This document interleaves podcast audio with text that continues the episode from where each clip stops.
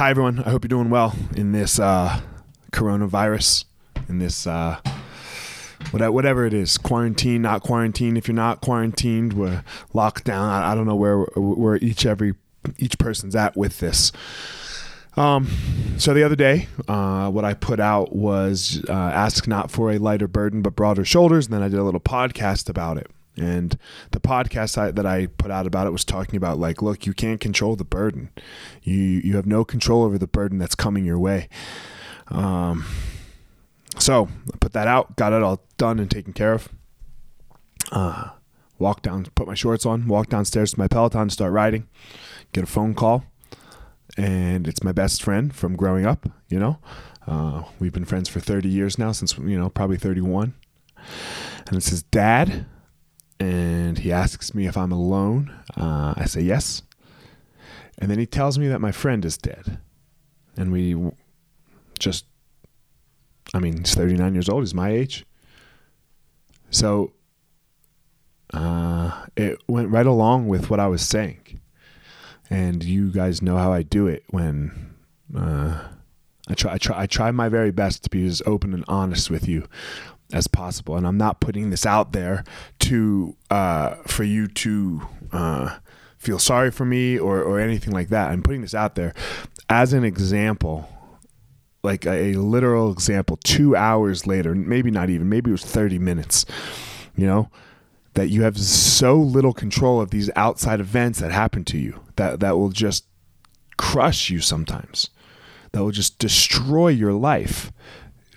Maybe maybe you know? Um, if you allow them to. So i didn't really know what i was going to say here. I was i'm just kind of speaking. I knew i was going to speak on it because i have to because this is how this is how i do it right? Something i talk about it but then that that thing happens and i, I can't run from it. I can't hide it. I can't tell every i can't put this message out there oh burdens and lighter loads and other broader shoulders. And then when it happens to me just be quiet about it that's that's bullshit. That's you know that's that's not what I do. So um, I don't know if I have anything more on it. I I, I don't know, but uh, what I know is that I cried a bunch that night. I went on a really long walk. Um, I talked to some of my friends, and then I got up the next day and I worked. You know, because that was what I have control over. Am I going to be really sad at some point? I'm sure I'm going to be really fucking sad. I don't know when that's going to come out, you know? Like I'm sad, but I'm not really sad. I'm not crushed and devastated yet, you know? Like who knows the stages of grief? I'm sure that shit is coming for me. I'm I'm sure of it. But I'm not going to sit around and wait for it. And I'm for sure not going to sit around and make it happen. I love my friend. I fucking love him with all of my heart and he's and I'll never speak to him again. You know? But I'm not going to wait around to, to be sad. It's going to come and when it comes I'll just be sad.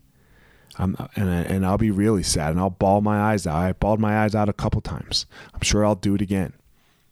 But that's the that's that's what's on my shoulders right now. But that doesn't mean I don't stop walking forward. That doesn't mean I stop. That doesn't mean my life just comes to an end. That doesn't mean I stop doing this. It doesn't mean anything. Like I said, your power will be found in hell. Your power will be found in your darkest moments. And hopefully, they won't even, I won't even say hopefully, they won't even be that dark. They might be really dark. You just keep walking. You can do it. I want everyone to know that you can do it. Every single person on this earth can do it. Find your power.